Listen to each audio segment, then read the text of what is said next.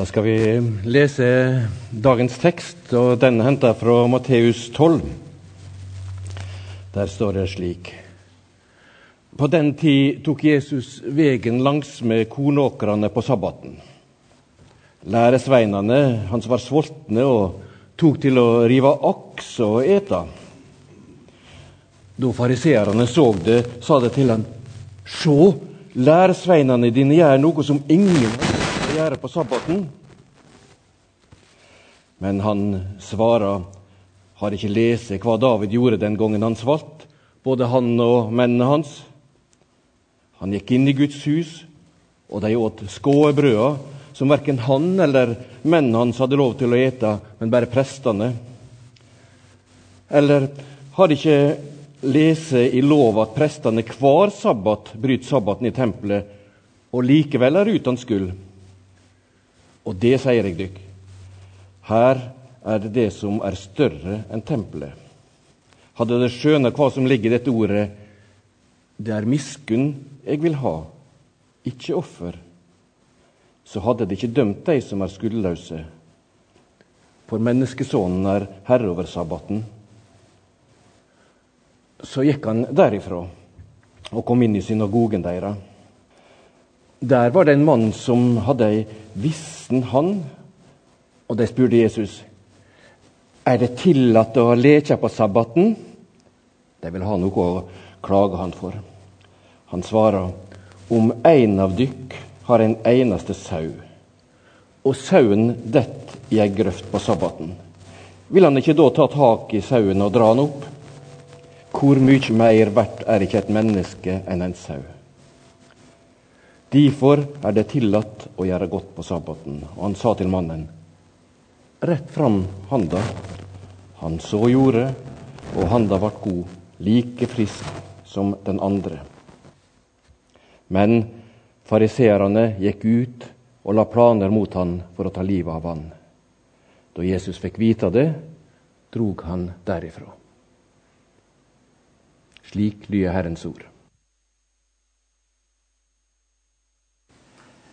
Skal vi be, kjære himmelske Far? Takk for at vi får lov til å bli kjent med deg og ditt ord på mange forskjellige måter. Hjelp oss til å skjelne hva som er viktig akkurat i det livet vi lever her nå, og i den tid vi er i. I Jesu navn. Amen. Ja, jeg skal bare dele noen uh, tanker som kanskje ikke går så veldig langt i dag, fordi at jeg syns uh, denne fortellingen kommer veldig tydelig fram gjennom denne filmsekvensen i dag. Jeg håper dere kan se at det er noen sånne røde tråder mellom fastetid, som vi er i nå, fram til påske, som dere har hørt litt om gjennom uh, samtalen mellom Peter og Raymond tidligere i dag det som skjer rundt oss i verden, og som minner oss om at eh, barmhjertighet er viktigere enn offer. Og offer i denne sammenheng det er da å forstå som disse påbudene som i og for seg var viktige, men som da kanskje hadde mistet litt sin hensikt. Og så er det en tråd også videre til, uh, til sabbatsforståelse i vår tid, og om vi kan komme i fare noen ganger for å kaste ut barnet med badevannet. Det skal jeg snakke litt om i dag. Men la meg begynne først litt i det som er akkurat den aktuelle opplevelsen som vi er midt oppi akkurat nå, med store historiske og skremmende begivenheter i verden. Dere har masse informasjon og tilgang på mye. Så jeg skal ikke belære dere om situasjonen i verken Russland eller i Ukraina. Men det som jeg syns er litt interessant som prest, det er jo å legge merke til at det finnes en religiøs dimensjon i denne polariserende situasjonen mellom Russland og Ukraina. Og det handler jo om at de som er ledere, eller han som er leder i Russland, han bruker kirka som et redskap for å forme opinion.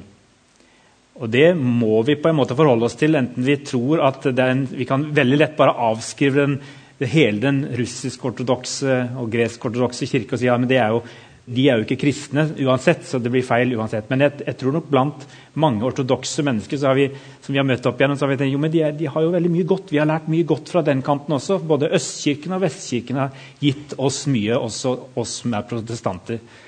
Er ikke Gud også der?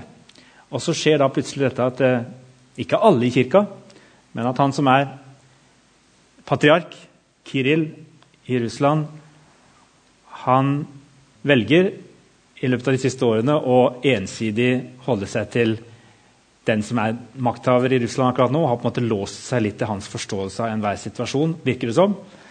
Og Da er vi i en situasjon nå der det er helt opplagt at uh, kirka blir brukt for å mobilisere og for å legitimere makt. Og Da tenker jeg av og til og Det er lett å holde det som skjer i Russland veldig sånn på armlengdes avstand og fordømme det. Men jeg er også opptatt av om det kan av og til gjenspeile seg i noe av det som vi også fort som kristne kan havne oppi. Det er ett ord som går igjen i det som har vært retorikken fra Russland de siste årene, og det er at eh, det er egentlig bare Russland, eller Den ortodokse kirke i Østen, og spesielt i Moskva, rundt Kreml, som har den siste skansen fordi at Vesten er tapt, er sekularisert. Så nå er det egentlig til syvende og sist bare Den ortodokse kirke som forvalter Jesu budskap. Det er veldig skummelt, og så brukes et ord som går igjen veldig mye, og det er tradisjonelle verdier. De tradisjonelle verdiene er på retur. Og Så vet vi noe om hva det kan handle om, og noen av de tradisjonelle verdiene kan jo til forveksling mange av oss for så vidt støtte opp om og være bekymret for at forsvinner. Men så er det da blanda sammen med et eh, maktspråk og en udemokratisk tankegang som gjør at mange av oss blir litt skremt. For meg går det en linje satt på spissen i det vi ser der i, i Kreml nå, og tilbake til fariseerne på Jesu tid. Dette møtet som vi fant her, som kanskje også er satt litt på spissen. Vi vet ikke helt om alle fariseerne var akkurat sånn som disse som sto i denne synagogen. Vi kaller dem fariseere, vi vet ikke hvem de var skriftlærde. Ofte så kalles de skriftlærde og fariseere i evangeliene. Og de framstår som Jesu på en måte hovedmotstandere. Men det er jo fordi de representerte den religiøse makt, og Jesus kom og utfordra den. Han utfordra jødedommens forståelse av seg selv på den tid. Men det er veldig viktig at vi ikke nå tenker at uh, vi som kristne står imot jødedommen. Det er jødedommen som legger grunnlag for alt det vi også tror på. Og Jesus oppfatter seg sjøl som en naturlig fortsettelse av det jødedommen representerte. Men det er noe fariseerne har gått seg fast i, og det så vi noe om her. Det er jo ikke sabbaten i seg selv, og det er ikke fasten i seg selv. Og det er ikke det å kunne helbrede og det å kunne gjøre disse tingene som i seg selv er problemet. Men det var den innpakningen det fikk, og den, på en måte den loviskheten. Og den at det ble knyttet til en form for makt og kontroll over mennesker på en sånn måte at det plutselig var blitt noe riv ryskende galt som ikke lenger var, var preget av barmhjertighet. Gammeltestamentet var veldig opptatt av at alt som hadde med sabbat og faste å gjøre, hadde med barmhjertighet å gjøre. Han siterer jo gamle profetier. Men Jesus kommer ikke egentlig her med noe nytt. Men han, han må fornye, og det er litt viktig å huske på. Og jeg spør meg hele tiden, Må også vår kristne tro og våre kirker og menigheters forståelse av alt det som er å følge Gud, også til enhver tid hele tiden reformeres og fornyes? Jeg gjorde meg en liten sånn eh, refleksjon forrige dagen. Jeg vet ikke hvor det kom fra. Men eh, jeg fikk plutselig for meg at eh, noen ganger så virker det som om disippeloppdraget i Matteus 28 er blitt ikke bare hos disse menneskene som er langt borte fra oss, men også hos oss, så kan det hende at vi har gjort disippeloppdraget, altså misjonsbefalingen, til et fariseroppdrag. Jeg lekte meg litt med den tanken. Hvordan ville det høres ut hvis misjonsbefalingen var et fariseroppdrag? Og legg merke til at Ofte så skal man bare bytte ut noen ord og gjøre litt på en bitte litt annen måte. Litt sånn tilforlatelig, kunne på en måte stemme litt med mye av virkeligheten vi lever i. Men så galt kan det bli når du bare bytter ut noen ord. Jeg vil bare ta dere med inn i det nå. Først skal vi høre disippeloppdraget, sånn som dere kjenner det. Det lyder slik.: Meg eiet all makt, i himmelen og på jorden. Gå derfor, gjør alle folkeslag til disipler Døp dem til Faderens og Sønnens og Den hellige ånds navn, og lær dem å holde alt det jeg har befalt dere. Og se, jeg er med dere alle dager inntil verdens ende. Og så skal dere få høre fariseeroppdraget, sånn som jeg tenker det. Dere er gitt all makt i himmel og på jord. Slå derfor fra dere og gjør alle folkeslag til farisere. Løp rundt i Guds hellige navn. Og bær hjem og hold for dere selv alt det jeg har gitt dere. Men husk at jeg ser dere og følger med på alt, mens dere setter verden på ende. Det er noen sånne stikkord her som jeg var litt opptatt av. Jeg tenker at Noe av dette handler om disse ekstremitetene borte i Russland, i mine tanker. Men det handler også om, eh, handler også om, kanskje om en, eh, en, litt sånn eh, En uro jeg har for mitt eget åndelige liv også av og til. Og det er jo at, at jeg fort tenker at Gud har overdratt makten til meg og vår kirke, sånn at vi skal på en måte føre dette videre. Og at det ligger et maktperspektiv sånn under overflaten også hos oss. For med en gang vi som kristne ledere, når vi har tatt imot en oppgave om å lede en menighet, og være kristne ledere, så, så ligger det noe makt her. Det ligger muligheten til å kontrollere hvordan andre tenker, hvordan andre skal leve.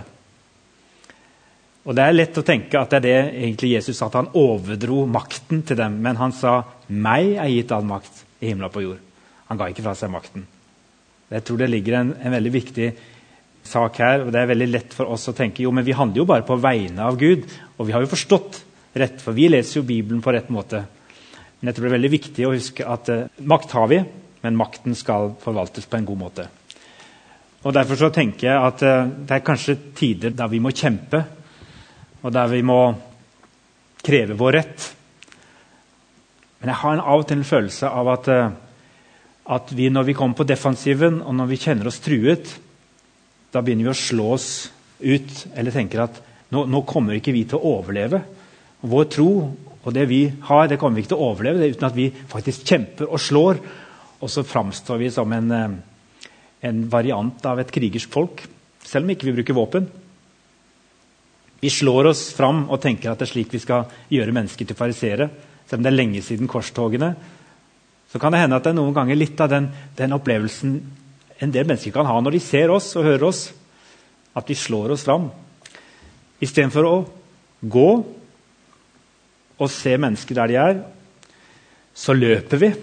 For vi har så utrolig dårlig tid. Og vi, eh, vi kjenner at eh, det er vi som må gjøre det. Vi går i egen kraft. Vi venter ikke alltid på Guds timing. Og så sier vi at vi gjør det i Guds hellige navn. Vi har jo Gud på vår side, har vi ikke det?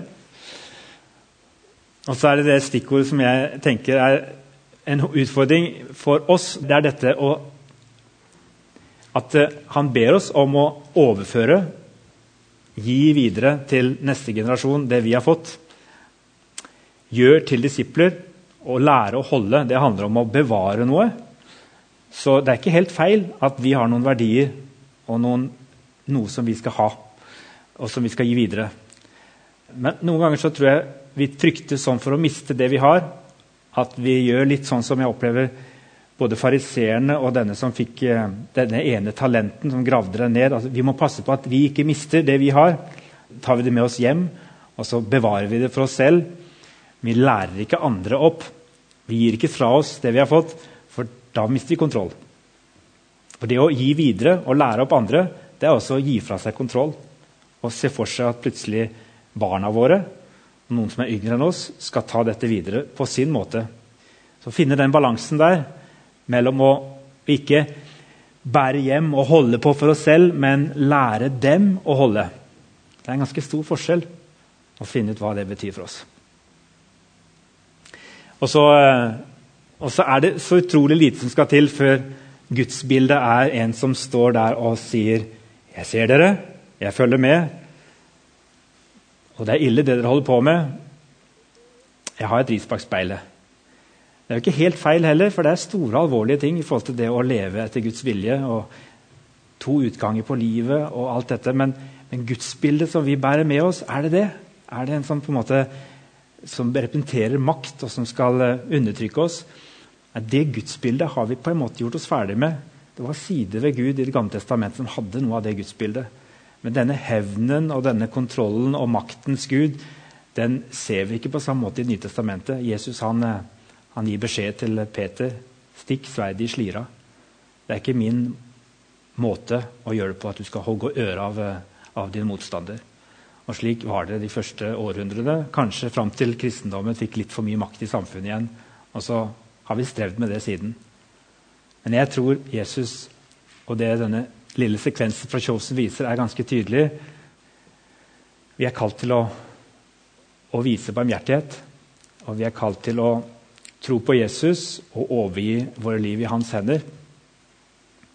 Og når vi er der, litt sånn som disiplene, som på en måte ser hele troen og det de har fått med seg, på nytt, i lys av Jesus, som er så helt annerledes enn disse fariseerne, så kan de plukke opp igjen noen av de gamle, gode reglene og spørre seg hva var det egentlig poenget med fasten. Hva var egentlig poenget med sabbaten? Det var jo ikke et middel for å holde mennesker nede. Men det var et middel for å gi Gud rom. Og faktisk for å kunne øve oss på å gi slipp på kontroll. Det er noe av det jeg tenkte på ganske mye for tida. At jeg trenger kanskje hviledag, og jeg trenger bønner som er bedt gjennom årtusener, i Salmenes bok, som følger meg litt gjennom dagen. Og jeg trenger kanskje også fastetid.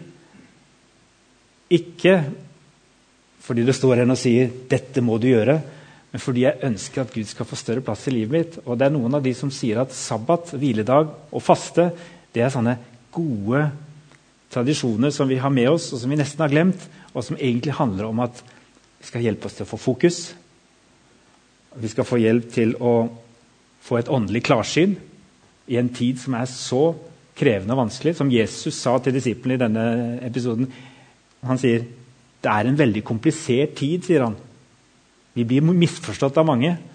Opplever at han på en måte sier noe om hvordan det er å være kristen i dag. Og Det er der det kommer inn dette behovet for å være i stillhet, i fellesskap eller alene. Og av og til også gi seg sjøl mulighet til kanskje å stenge ned noen av disse her kanalene eller behovene som vi har, for å kunne hjelpe oss til et åndelig klarsyn. Og Der er det veldig mange gode forbilder. Jeg har mange gode rundt meg. Jeg er ikke så fryktelig flink på å finne min form for faste. Men jeg har gode forbilder rundt meg som har gjort dette i årevis. Sette av en dag eller to, eller kutte ut noe som fyller oppmerksomheten min så mye at jeg ikke får rom til å lytte til hva Gud egentlig vil med meg nå i en komplisert tid. Og Der kan fastetid nå fram til påske være en anledning. Det er noen uker igjen. Du kan spørre deg sjøl hva det betyr i ditt liv. Kanskje handler det om mat. Kanskje handler det om media. Kanskje det handler om eh, noen tidssoner i løpet av uka som du skjermer. Det er noe av det jeg må jobbe med i eget liv. Hvordan er det denne tida kan være annerledes? Kanskje særlig nå fordi jeg tror verden trenger at noen ber. Mer enn noen gang. Og Vi vet ikke helt hvilke ord vi skal bruke, og da kan det være godt å ty til gamle ord. velbrukte ord. Jeg ber Fader vår mye. Jeg ber Salme 31. Jeg har også i Salme 31, som jeg syns passer veldig godt for en periode der vi, er, der vi opplever disse fryktelige krigshandlingene på nært hold, og flyktningene som kommer inn i landet vårt, så er det en salme som jeg opplever veldig sterk. I den salmen så er det en bønn som Jesus ber på korset. Far, i dine hender overgir jeg min ånd. Han siterer Salme 31. Det er en av bønnene Jesus ber på korset. For Jesus ba Salmenes bok. Han ba ikke bare i egne ord, men han brukte gamle, velbrukte ord. Og Hva er det han egentlig ber i den bønnen? Jeg tror det er fastens og sabbatens essens. Det er å gi opp kontroll. Far, i dine hender overgir jeg alt mitt, alt som er, fordi i dine hender, slik at du kan bære verden, bære alt som er mitt. Og det, Den enkle setningen der, fordi jeg ikke alltid har så mange ord og ikke alltid får satt meg ned og bedt så veldig lange bønner, så er det en setning som jeg prøver å ha med meg to-tre ganger hver dag. Og Når jeg ber den setningen, så er det ikke bare at jeg skal oppgi min ånd, sånn som Jesus sa på korset, og oppgi seg selv, men det gir en veldig fin anledning til å stoppe opp og spørre, eller legge fram noen som jeg ber for. Far, i dine hender overgir jeg familien min. Far, i dine hender overgir jeg situasjonen i Ukraina. Far, i dine hender overgir jeg min syke venn. Far, i dine hender. Og så kan vi be denne bønnen nesten med pusten eller med åndedrettet. Inn og ut. Og da har vi vært der og stanset opp. Og jeg tror jo Gud er glad for at vi ber. Om vi kan forandre Han, det vet jeg ikke. Men vi ber også fordi at Han skal kunne forandre oss og vende oss nettopp i en tid der vi frenetisk eller kaotisk gjerne tenker at nå må vi, nå må vi gjøre noe. nå må vi, Eller vi blir fylt av redsel. Så trenger vi å stanse opp midt i hverdagen og si, 'Far, i dine hender overgir jeg alt mitt.' Og Det tror jeg faste og sabbat dypest sett handler om.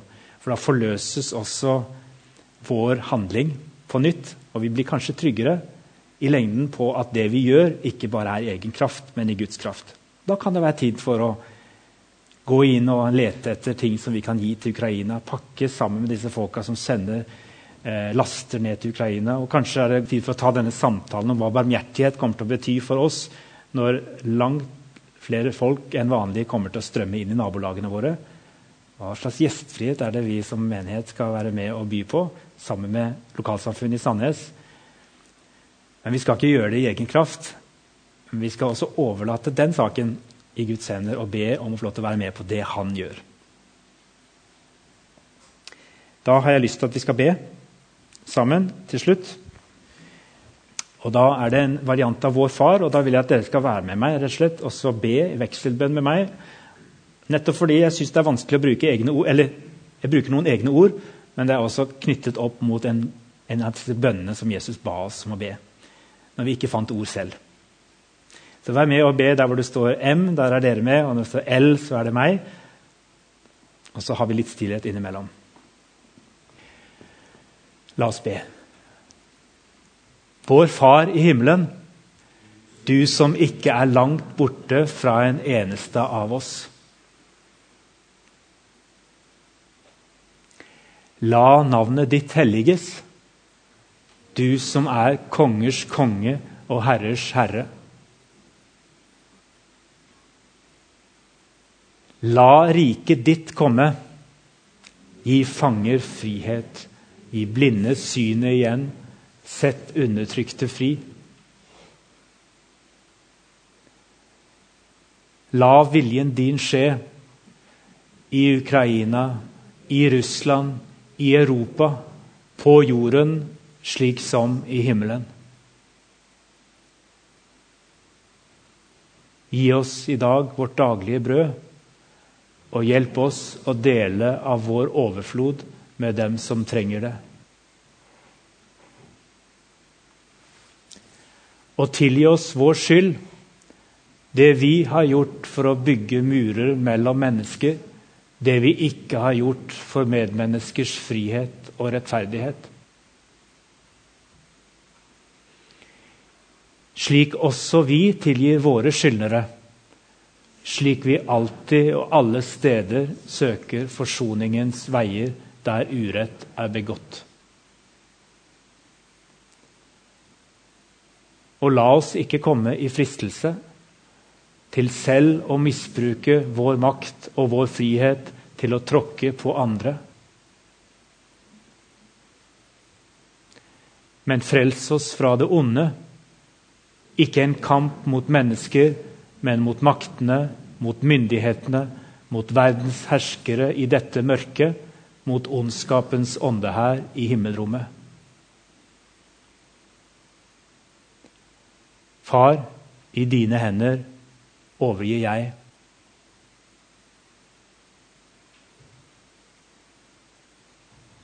Du løser meg ut, Herre, du trofaste Gud. For riket er ditt, og makten og æren i både tid og evighet. Amen.